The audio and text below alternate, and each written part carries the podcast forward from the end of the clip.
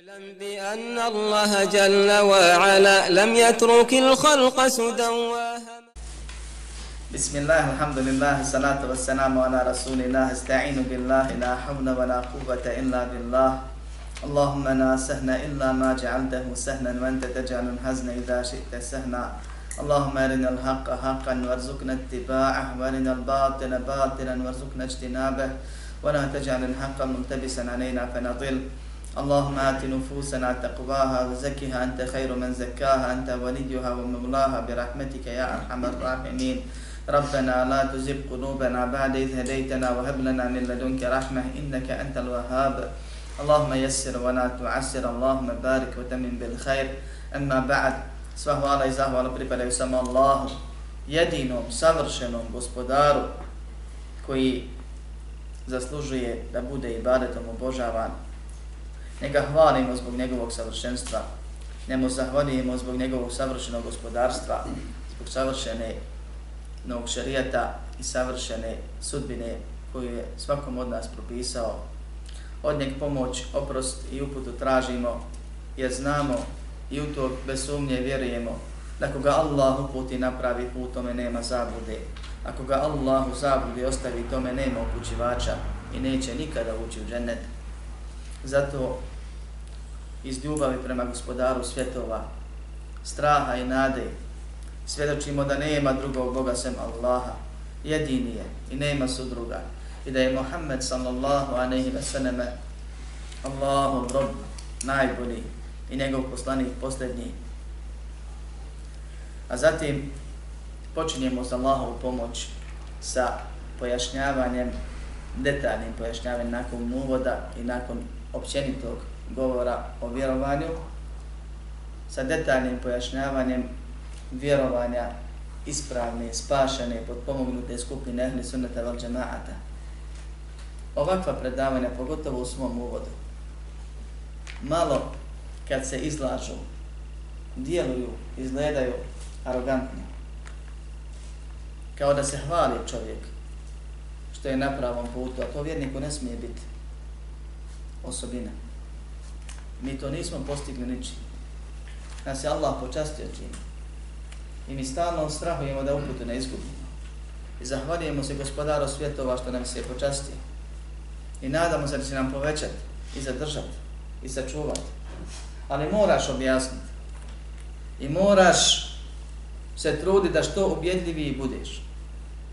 Jer pravi put je jedan, tako Allah u Kur'anu kaže. Tako Muhammed sallallahu aleyhi ve sellem u hadisima govori. Sve ostalo su strahutice koje vode ili u vječni ili u privremeni džehennem da nas Allah sačuva I nadam se da nakon tri predavanja kojima smo se detaljno trudili da pojasnimo da postoji podjela u umetu koju je Allah odredio i da je tako podijelio da od 73 skupine jedna je sačuvana od zablude na ovom svijetu od džehennema na ahiretu i da je pravi put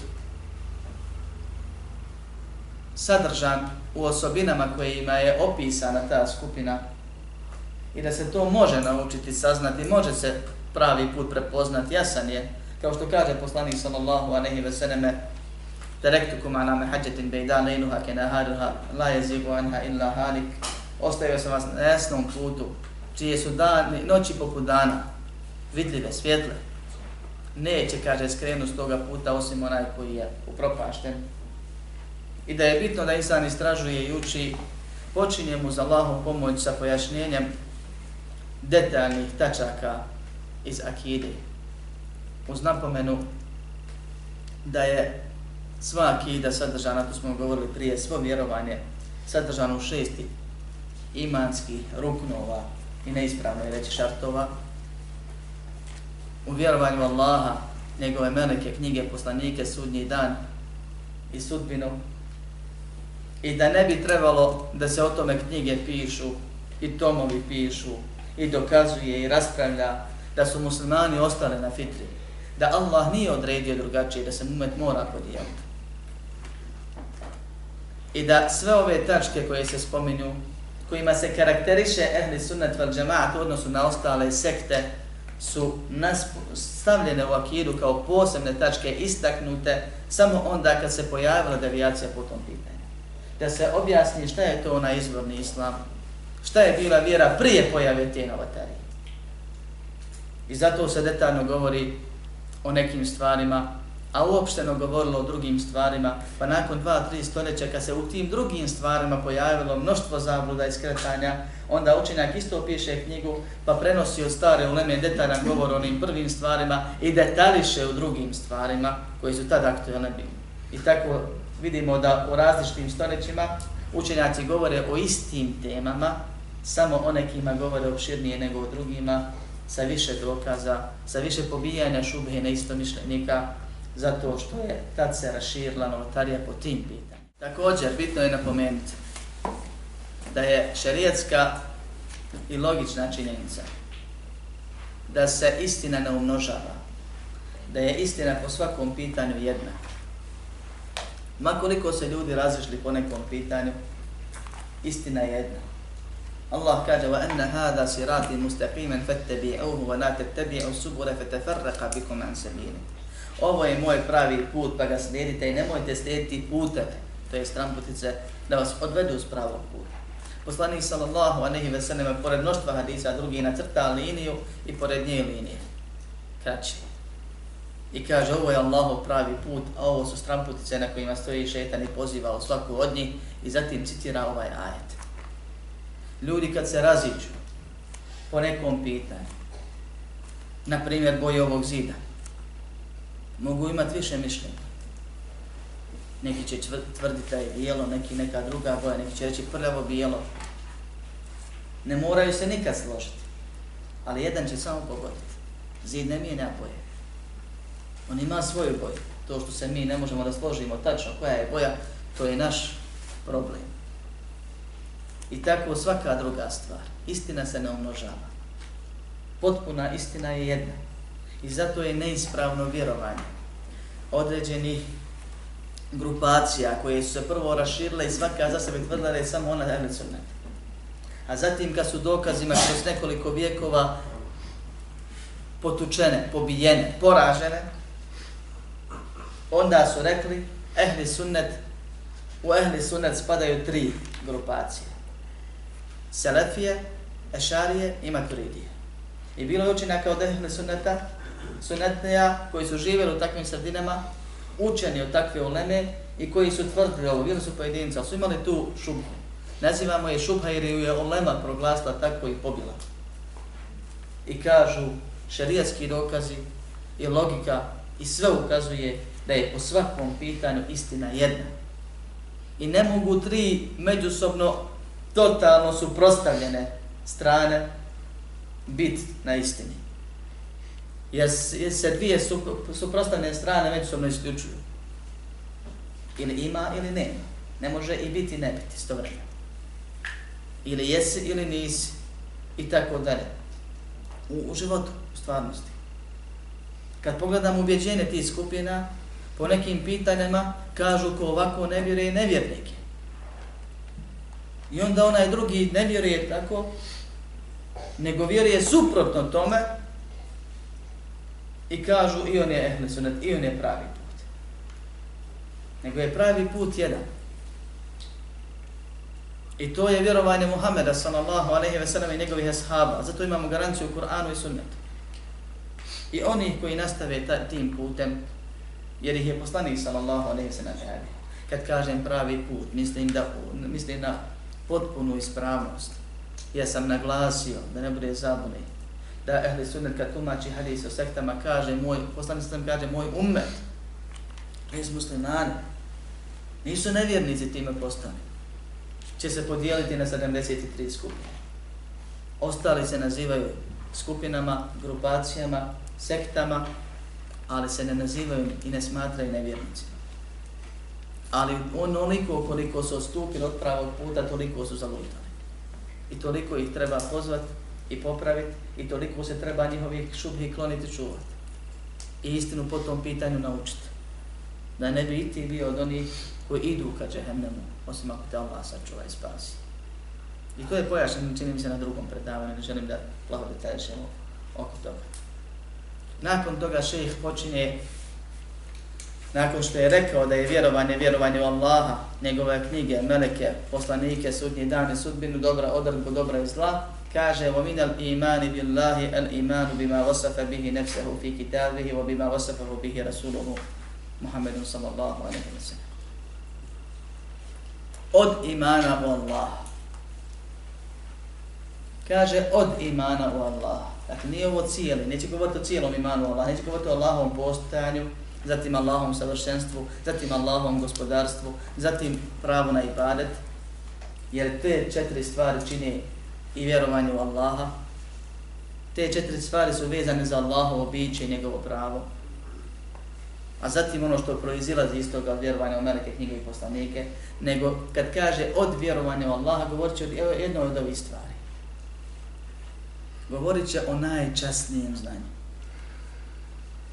Najvažnijoj nauci, temelju svih temelja. Govorit će o Allahovom biću, ne s aspekta njegovog postojanja ili ne postojanja svi vjeruju, nego s aspekta njegovog savršenstva. Govorit će o Allahovim imenima i osobinima. O tome ko je Allah.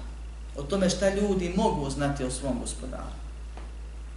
Nauka se vrednuje po nekoliko parametara. Jedan od njih je korist koju prouzrokuje, drugi je ono o čemu se govori. Ima li išta vrednije od Allaha? Pa je znanje o Allahu najvrednije znanje. I temelj svih temelja. Najkorisnije s aspekta čovjeka, jer je greška u njemu najraširenija i najopasnija, je vjerovanje u Allahovo pravo, pravo na ibadet. Zato smo potrošili godinu i pol dana objašnjavajući knjigu Tevhida. Ali to je stvar, ili jedna od stvari koja proizilazi iz temena koji se zove Allahovo savršenstvo. Jer Allah da nije savršen, ne bi mu imao pravo da bude obožan.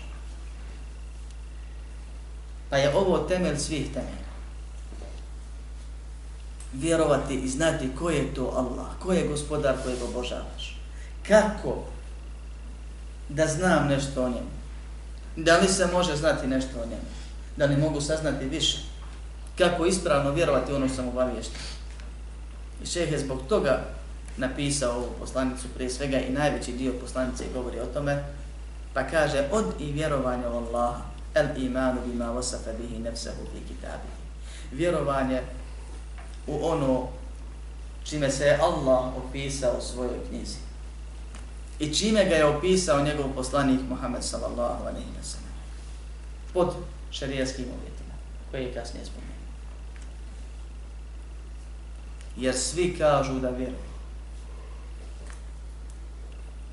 Svi muslimani kažu da vjeruju u Allaha i kažu da vjeruju u Allaha. I znaju da kad neko bi rekao da ne vjeruje Allahu, da bi izašao iz vjeriti ali činjenično stanje nekih ljudi koje se očituje u njihovom ubjeđenju koje oni pokazuju šire, govori suprotno tome. Allah subhanahu wa ta'ala obavijesti o sebi, a nikoga od njegovih stvorenja vidio nije. I on je apsolutni gaj. I postoji u stvarnosti, jer mi vjerujemo u Božije postaje, ne da je to nešto zamišljeno nego da zaista postoji. A nema ništa, braćo moja, da postoji, a da nema neke osobine. Pa i samo postojanje je osobina. Pa Allah o svojim osobinama obavijesti svoje robove. I onda dođe neko od robova i tu informaciju prilagođava svom razumu. Prepravlja, šminka, uređuje, dorađuje ne može, ne želi, ne smije da je prihvati onako kako je došlo. A mi znamo da neke stvari možemo saznat na dunjalku na dva načina. Da ih vidimo ili da nam neko opiše tako što će uporediti sa nečim što već znamo. Tako znamo kakva je stvar.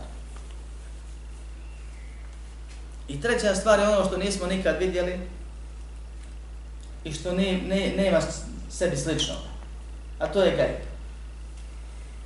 I to se ne može niš čim uporediti I ne može se kakvoća tvoga, nik, toga nikako shvatiti, zamisliti, pretpostaviti, jer ga niko nije vidio. Nego se u to može i mora vjerovati onako samo kako je došlo.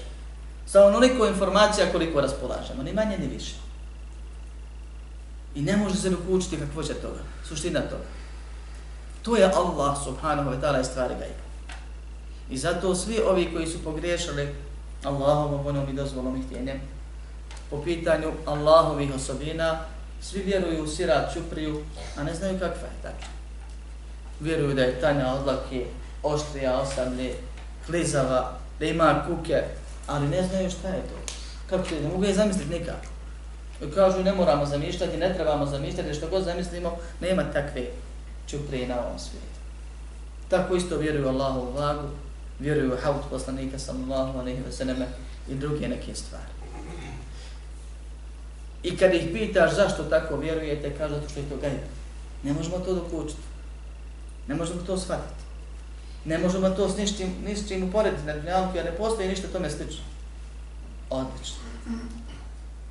Tako isto vjernik mora da vjeruje po pitanju svakog gajba. Pogotovo ako je u pitanju gajb za kojeg znamo i koji nam u Kur'anu za sebe napomine i kaže lejse ke mitne i šej, njemu ništa nije slično. Ništa nije kao on. Možemo samo da vjerujemo i moramo da vjerujemo, jer to Allah govori, ne govori neko stvorenje.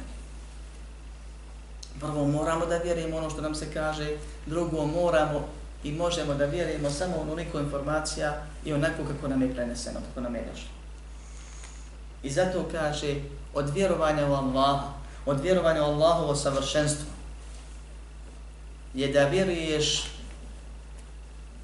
u ono čime se je Allah opisao u svojoj knjizi ili čime ga je opisao Muhammed sallallahu aleyhi ve selleme u sunnetu. Kako sad ovo? Je li Muhammed aleyhi sallam vidio Allah? Ispravno mišljenje da nije. Ni na ahiret. Pa kako on može opisati? Zato što ga Allah Zato što Allah za Muhammeda sam sve mi njegov govor ovjeri kaže وَمَا يَنْتِكُ عَنِ الْهَوَا إِنْ هُوَ إِلَّا وَحِيمُ On ne govori po hiru svome, se to objava koja mu se objavlja. Kome objavlja? Allah. Opet Allah o sebi govori ili u knjizi svojoj Kur'anu ili na jeziku svoga poslanika Muhammeda sallallahu alaihi wa I zato se u taj gajb vjeruje i ne sumnja i u taj haber se vjeruje onako kako je prenesen, bez dodavanja do sunna. Bez pokušaja da shvatimo nešto što ne možemo ništim uporediti, pa samim timom ne možemo ni shvatiti. Jer ničemu nije slično. Kako god ga zamisliš, nije tako. Ako zamišljaš neku pozitivnost, kaže se nije takav, nego je neuporedivo veći i bolji od toga I o tome ćemo ako Bog da govoriti. Šeh prije nego što će početi govoriti o nekim Allahovim osobinama, i to će biti tema naših predavanja uz Allahov pomoć, u nekoliko rečenica objašnjava pravila vjerovanja Allahove osobine, jer to je bitno i najbitnije, da razumiješ te osobine koje su došle. Kaže, vjerovanje u ono čime se Allah opisao, ne spominje imena, A mi znamo da je vjerovanje u Allahovo savršenstvo. Drugim riječima, vjerovanje u Allahova najljepša imena i potpune savršene osobine. Jer Allah subhanahu wa ta'ala ima svoje biće koje je odvojeno, nije pomiješano sa stvorenjima, iznad svega stvorenoga bdije. I to biće je nešto najljepše što postoji u postojanju. I to biće opisano osobinama brojni. Neke od tih osobina nam je Allah spomenuo u Kur'anu ili sunetu, neke uopšte nije, ne zna niko. I to biće se samo, Allah se sam, bez da itko drugi tu interveniše, jer nemoguće da se upliče, nazvao brojnim imenima. Koliko imena? Allah najbolje zna. A ne samo 99 brojnim imenima. Sigurno više od sto. A Allah zna koliko. Svako od tih imena nije samo znak za biće kao što je to kod ljudi. Ime i prezime ukazuju da je to taj čovjek. A značenje imena i prezimena, bilo pozitivno ili negativno, nema nikakve veze sa njegovim stvarnim osobinama. Kod Allaha uzvišenog imena ukazuju na osobinu ili više njih, a svaka od tih osobina je potpuna, savršena. Pa Es-Sami' je ime. Kod nas se prevodi, a to već nije ime, to je pojašnjenje. Onaj koji sve čuje. Pa iz riječi Es-Sami' mi zaključujemo da Allah čuje i da to nije, taj, to nije ograničeno, nego da on ama baš sve čuje. I to je ta osobina koja se izvodi iz Allahovog imena Es-Sami' Tako isto Al-Basir, onaj koji sve vidi, pa mu je osobina da vidi sve. I ne smeta da čovjek za sebe kaže da vidi, jer je to u domenu ljudskih mogućnosti i to nije nikakvo poređenje sa Allahom. I nećemo zbog toga što čovjek vidi negirati Allahu da vidi kao što su neki uradili po drugim osobina. Kako bi pobjegli od poređenja. Kakvo poređenje između savršenog i nepotpunog? Između potpunog u svakom smislu i manjkavog u svakom smislu. Poređenje je nemoguće. Mi znamo kod ljudi i kod životinja kad pripišemo nekom od njih njihovu osobinu, da je to kako njemu doliko i završeno. Pa kad kažemo da slon ima snagu i da mrav ima snagu, nikome ne naupadne da je to jednaka snaga.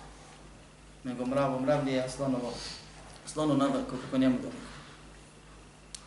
I ljudska snaga je tipična čovjeka.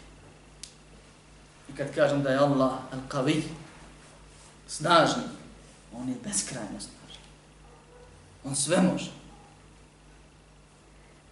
I to je onako kako njemu djeliko. I to je jasno onome koga je Allah zadržao na uputi. A ovako proste stvari su i tekako nejasne mnogim ljudima koji su dio našeg umeta, umeta Muhammeda sallallahu I bježe od toga da Allahu povjeruju jer neće da Allahu pripišu ono što sam sebi pripisuje. Pa je vjerovanje u Allahovo savršenstvo, vjerovanje da Allah ima najlepša imena i da više od toga nam je spomenuo svojih osobina, jer se ne, iz svake osobine ne izvodi ime. I da je, su imena ona kojima se on nazvao, bilo u Kur'anu, da je svoga poslanika sa sam obavijestio, nije mu poslanik dao neko ime, nije mu Džibril dao neko ime, nego je ime ono što je Allah obavijestio da je njegovo ime. I Allahova osobina je ono što je Allah obavijestio, bilo u Kur'anu i sunnetu, da je to njegova osobina. A mi možemo još iz nekih Allahovih dijela da obavijestimo o Allahu, bez da govorimo da su to Allahova imena ili osobina, nego to je tako, znam, Allah to radi. Pa je to još šire u odnosu na Allahova imena i osobina. Pa smo ovdje već spomenuli nekoliko pravila pravila kojima se razumije ispravno vjerovanje u Allahovo savršenstvo. Da vjeruješ da Allah ima imena puno, o nekima nas je obavijestio. Da nije Allahovo ime osim ono čime se Allah nazvao, kako se Allah nazvao. Niti Allahova osobina osim ono čime se Allah opisao. Da se Allah opisuje u svojoj knjizi direktno ili drugom objavom koju on objavljuje u sunetu. Pa postani se samo obavijesti o njemu i da se mora vjerovati Allahu i poslaniku, kao što vjerimo Allahu i poslanika. Da kad čujemo neko ime i osobinu, bez obzira koliko to nam bilo čudno, mi moramo vjerovati da je to tako, makar ne mogu li zamisliti, jer ne moramo sve zamisliti. I naš razum je i tekako ograničen. Ja često spominjem prost primjer, da ne idemo daleko. Da neko kad nam pokuca na vrata, mi pitamo ko je. Kad nam telefon u našem džepu kojeg makar držali pored srca, zazvoni mi moramo da otvorimo da vidimo ko je. Ili ustavimo melodiju, posebno da prepoznamo na osnovu nije ko je, jer ne znamo. Možeš biti odmah iza vrata, ali ne možeš da dok učiš pola metra s druge strane šta je. A da dok učiš svojim razumom kako to izgleda ne odobila Allah i kako, kakve osobine ima Allah koji je daleko, najdalje od svega svojim pićem i koji je apsolutni gajb iako je najbliži nama i bliži od nas svojim osobinama. To je nemoguće. I zato šejh ovdje spominje osobine, a odmah komentatori kažu nije spomenuo imena. Zašto? Zato što, braćo moja, pored Džehmija je Maltezila, koji su rijetki veoma, koji su kao grupacije iščezli, a moraju ostati tragovi. Svaka sekta koja se pojavi ostaje tragovi, ostaje pojedinci koji nose makar to. Ove današnje devijacije po pitanju Allahova savršenstva, po pitanju vjerovanja u Allahova imena i osobina, vjeruju u Allahova imena. Ali se sa ehli sunnetom, sa sljedbenicima pravog puta razilaze oko Allahovih osobina. Iz jednog razloga, a to je također pravilo. A to je što su oni dali prednost razumu nad objavom. Pa kažu, prihvatamo ono što možemo shvatiti, možemo, a odbijamo ono što razumom, sa razumom se ne slaže, nije usparno. Što ne možemo dokučiti. Pa im se onda objasni dvije stvari, prosto. Prvo da moraš vjerovati Allah. Drugo da je to gajb.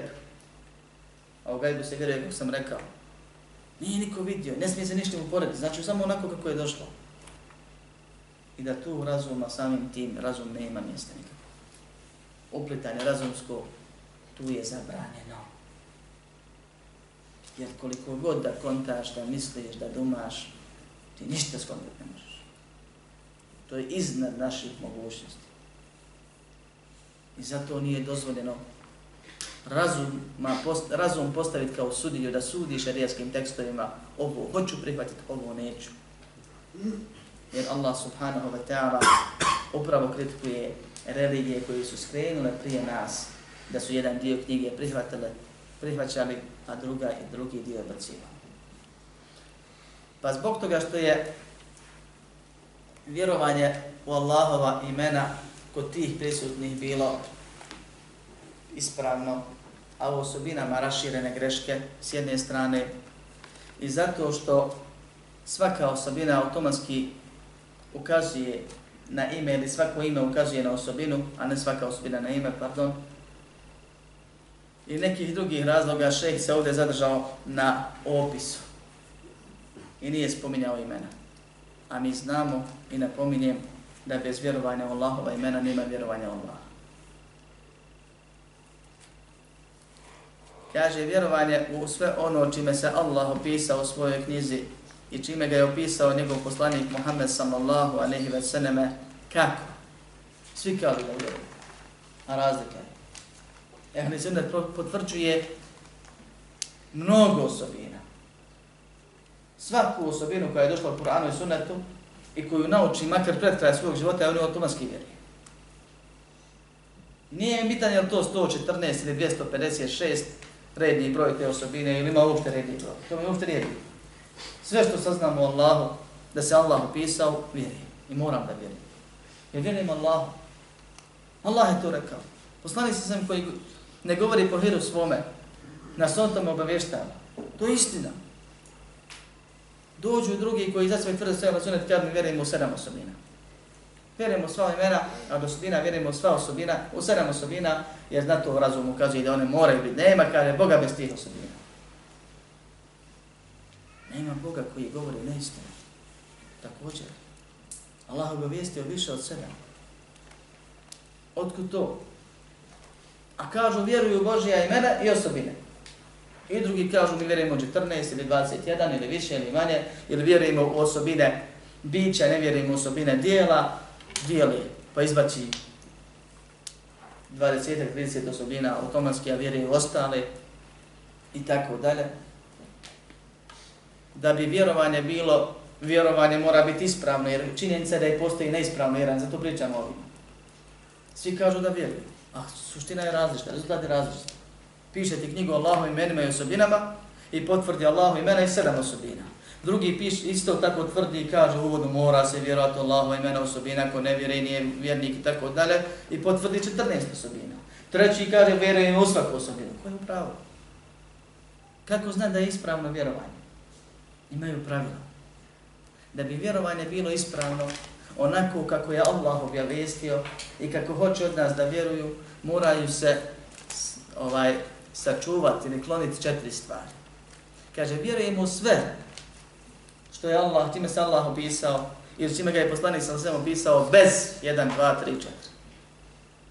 Bez tahrifa, i bez ta'tira, i bez tekifa, i bez temthira.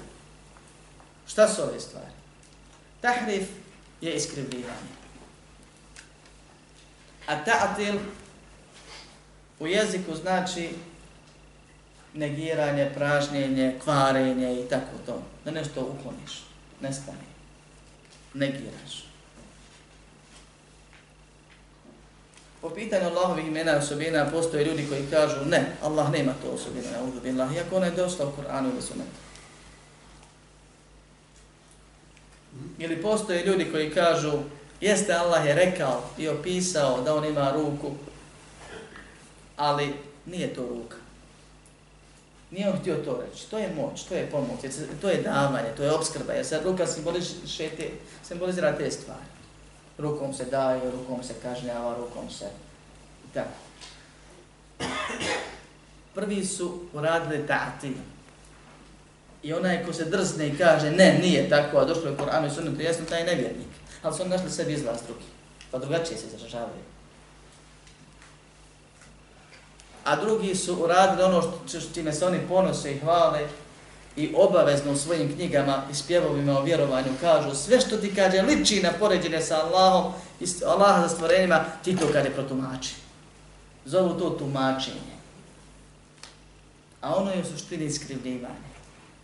I šeh nije spomenuo te vid, kako se oni hvale i ponose time, nego je spomenuo tahrif. Tahrif znači skriviti, a tevil znači protumačiti. Zašto? Zato što se stvari mogu bukvalno shvatiti, doslovno prihvatiti ako su jasne, ili se mogu protumačiti. Inače u životu govorimo stvari. O rečenicama, o govorima, bilo čemu, o informacijama. Pa to tumačenje, ako već nisi, nije jasno, direktno, ako nisi bukvalno uzeo, ako nije samo po sebi jasno i tome slične stvari, može biti ili ispravno ili neispravno. Može biti u skladu sa kontekstom ili izvađen iz konteksta. Jer nije svako tumačenje ispravno. A riječ tevil u arabskom jeziku znači protumačiti nešto. Pa se tefsir u početku islamska nauka u tefsiru zvala tevil. Nauka tevil. Tevil znači vratiti nešto na osnovu. Onako kako jeste, izvorno. Ili vratiti stvar tamo gdje one zaista pripadaju. To je opet pohvalno u, u jeziku. Tevil znači protumačiti. Skrenuti neko značenje sa onog što, što je na prvu ruku se shvata i protumačiti da se ne odnosi na to nego na nešto drugo. A je ovo treće, ako ima dokaz, onda je ispravno tumačenje, ako nema, onda je neispravno. I postoje stvari koje se tevili, ali to nisu osobina Allaha. Postoje ajeti koji na jednom mjestu, kako samo njega pročitaš, dobiješ neku informaciju, a onda pročitaš dva, tri ili jedan drugi ajet koji pojašnjava ovaj prvi, na što se odnosi. Pa kad sabereš taj ajet i onaj drugi ili više njih, onda dobiješ stvarnu sliku što je Allah htio tim propisom. To se zove ispravno tumačenje. I dokaz da je ovo tumačenje ispravno su oni ajeti koji pojašnjavaju ovaj prvi. To je dokaz. I ima takvih primjera u Koranu puno.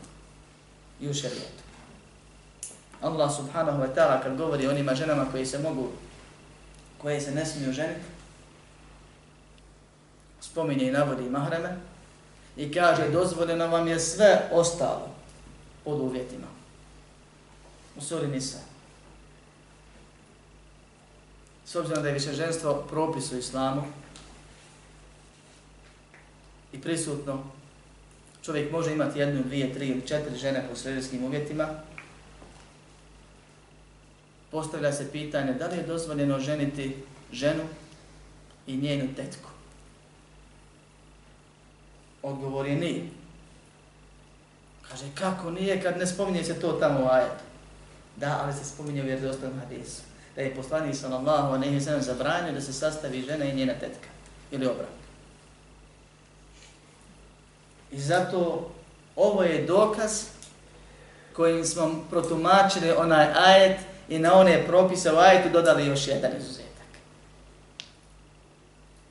A da neko dođe i inako proizvodno, ko što je kod nas kaže ne smije se ovo, kolje, ne smije ono, tamo amo, to se zove pogrešno tumačenje. Jer zato nemamo dokaza u Koranu i Sunnetu. I tako je u drugim stvarima. I zato šeheh ne kaže bez tumačenja. Jer se tumačiti može ispravno razumjeti neispravno. Ne kaže bez iskrivljivanja ili negiranja. Dakle, javili se ljudi prvi koji kažu vjerujemo samo u Allahova imena i ne vjerujem da Allah ima osobinu. Žehmije. I ulema ih je proglasila nevjernicima, zindicima, otpadnicima. Zbog te i još nekih drugih stvari. Javili se nakon toga ljudi, kažu ne, mi vjerujemo, moramo vjerovati da je istina ono što je Allah rekao. Ako je rekao ruka, on je rekao ruka, ali ne misli se time na ruku, nego na moć, na pomoć, na davanje i tako dalje.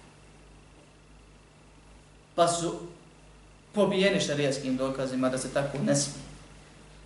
Onda se jave treći i kažu, ovi drugi kažu, mi smo pametniji od Selefa. Allah garantuje da Selef da će učeneti, to je ne biti pametniji od Selefa, o tome sam govorio prošli put nego Selef mora da je bio pokorniji u smislu da su oni predavali, ne su oni kontali ništa.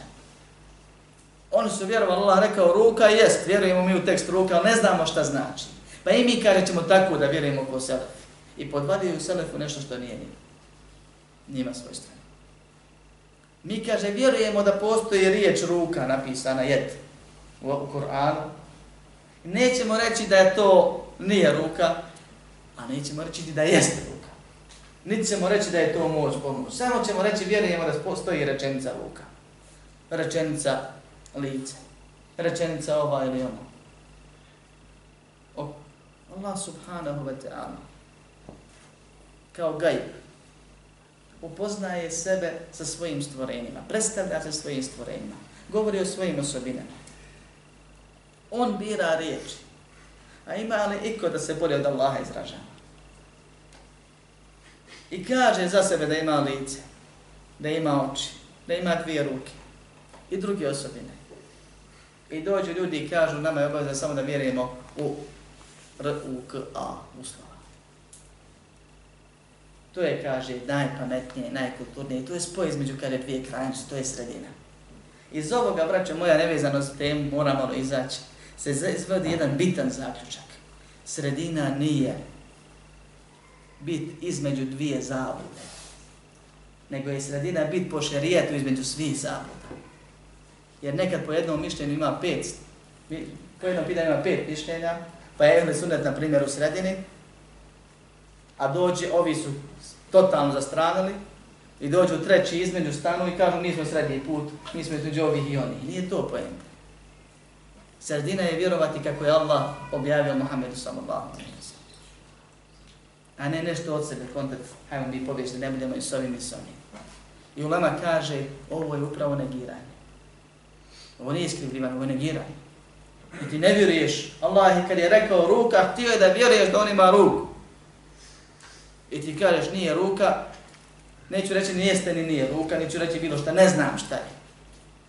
I ovo je gore, kaže od tumačenja, zato što potvaraš poslanika Muhammeda sallallahu ashabe kao najbolje skupine i sve muslimane da su neznalice u on, po pitanju onoga u čemu ih je Allah obavijestio.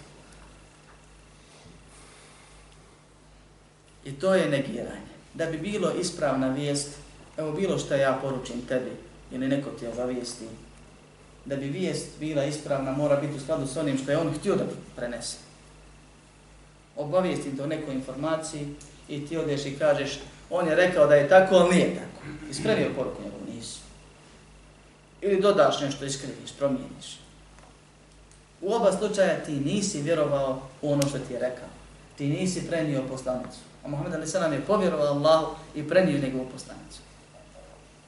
S druge strane, nije dovoljno samo uzeti tako je, bez još nekih ograničavanja. Pa kaže min gajri tekifin varatem thinin bez određivanja kakvoći i bez poređenja.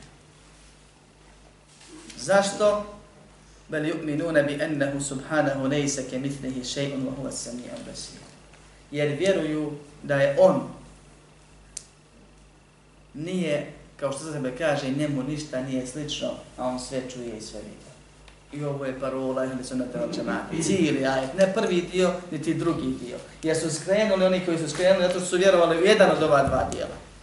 Pa jedni kažu njemu ništa nije slično i svaka osobina kojom se čovjek opisao ili nešto stvorenja mora se Allahu negirati da mu ništa ne bi bilo slično. Nije istina.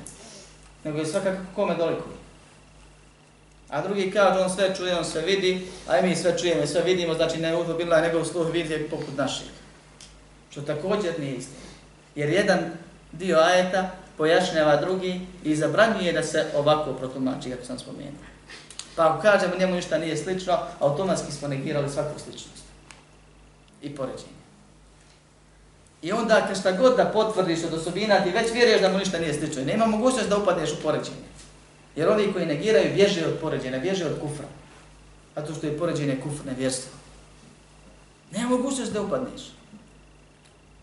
Nego si već i potvrđuješ mu samo ono što je on, subhanahu, obavijesti o sebi, pa kao što kaže da čuje i vidi, ja znamo da stvorenja čuju i vide, i nema miješanja i brkanja po pitanju toga kad kažeš da slon čuje i vidi, nikom ne naupade da čuje i vidi kao što čuje čovjek i vidi, tako i po drugim pitanjima.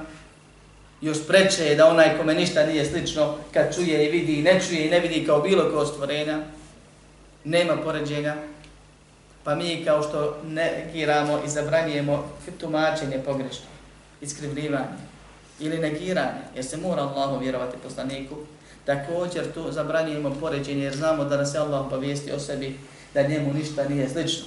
Lem jekun lehu kufuvan ahad. Ništa mu nije ravno. I drugi ajet o kojima ćemo govoriti kasnije ako Bog da. Isto tako zabranjeno je uplitat se u gajb preko informacije ili granice koja je postavljena. Pa dođu ljudi i kažu, ja Bože sačuvaj da poredim Allah stvorenjima. Ja samo kažem malo analogiju koristi na osnovu Allah, Allah je dao stvorenja i kroz njih možemo da spoznamo što je pravilo šarijasko, nešto od Allahove osobina, ali ne sve. Pa kad vidiš ljepotu Allaha u stvaranju, imaš pravo se pitaš i zamisliš kako je tek lijepo onaj koji je sve to stvorio. Kad vidiš koliko velika neka stvorenja imaju poput Arša nebesa, koliko je tek velik njihov gospodar, koliko je moćan onaj da to stvori. Ali oni to zloupotrebljavaju tu stvar i prebacuju na drugu i kažu, nećemo, kaže, reći da je Allah ičemu sličan. Ali ćemo reći da je Allah ne uzubila sedam pedova svoje dužine. Svak kažu čovjek, njegova dužina svakog čovjeka je njegovih sedam pedova. Mnogi će se kasnije mjeriti kući kad dođe. E, pošto je, kaže, ne reći koliki je Allah, toliko kilometara, toliko ovo, samo ćemo reći da je on ne uzubila sedam pedova, ako što ja govorim. Ili ćemo reći Allah je širok koliko je dug, jer njemu ništa nije slično i neku vid kakvoće uradi. Razlika između znači poređena i kakvoće odrađivanja je to što nisi uporedio ni s čim, ali si rekao Allahu nešto o čemu pojma nemaš. I prekršio si najveću zabranu, to je govor Allahu bez nema. Što vodi ka širku i svakim kom drugom da. Pa kao što ne poredimo, tako i kakvoću ne odrađujemo, jer Allahu znamo samo ono o čemu nas je naš gospodar obavijestio, i znamo da kakvoća postoji, ali mi je ne znamo, jer je to gaj, a mi stvari shvatamo i kontamo tako što ih upoznamo, ili nam neko ih uporadi, ili budemo obavješteni o nečemu, pa samo možemo tako da, da vjerujemo kako smo čuli, a ne da se upličemo dalje, jer nemamo više informacija o tom.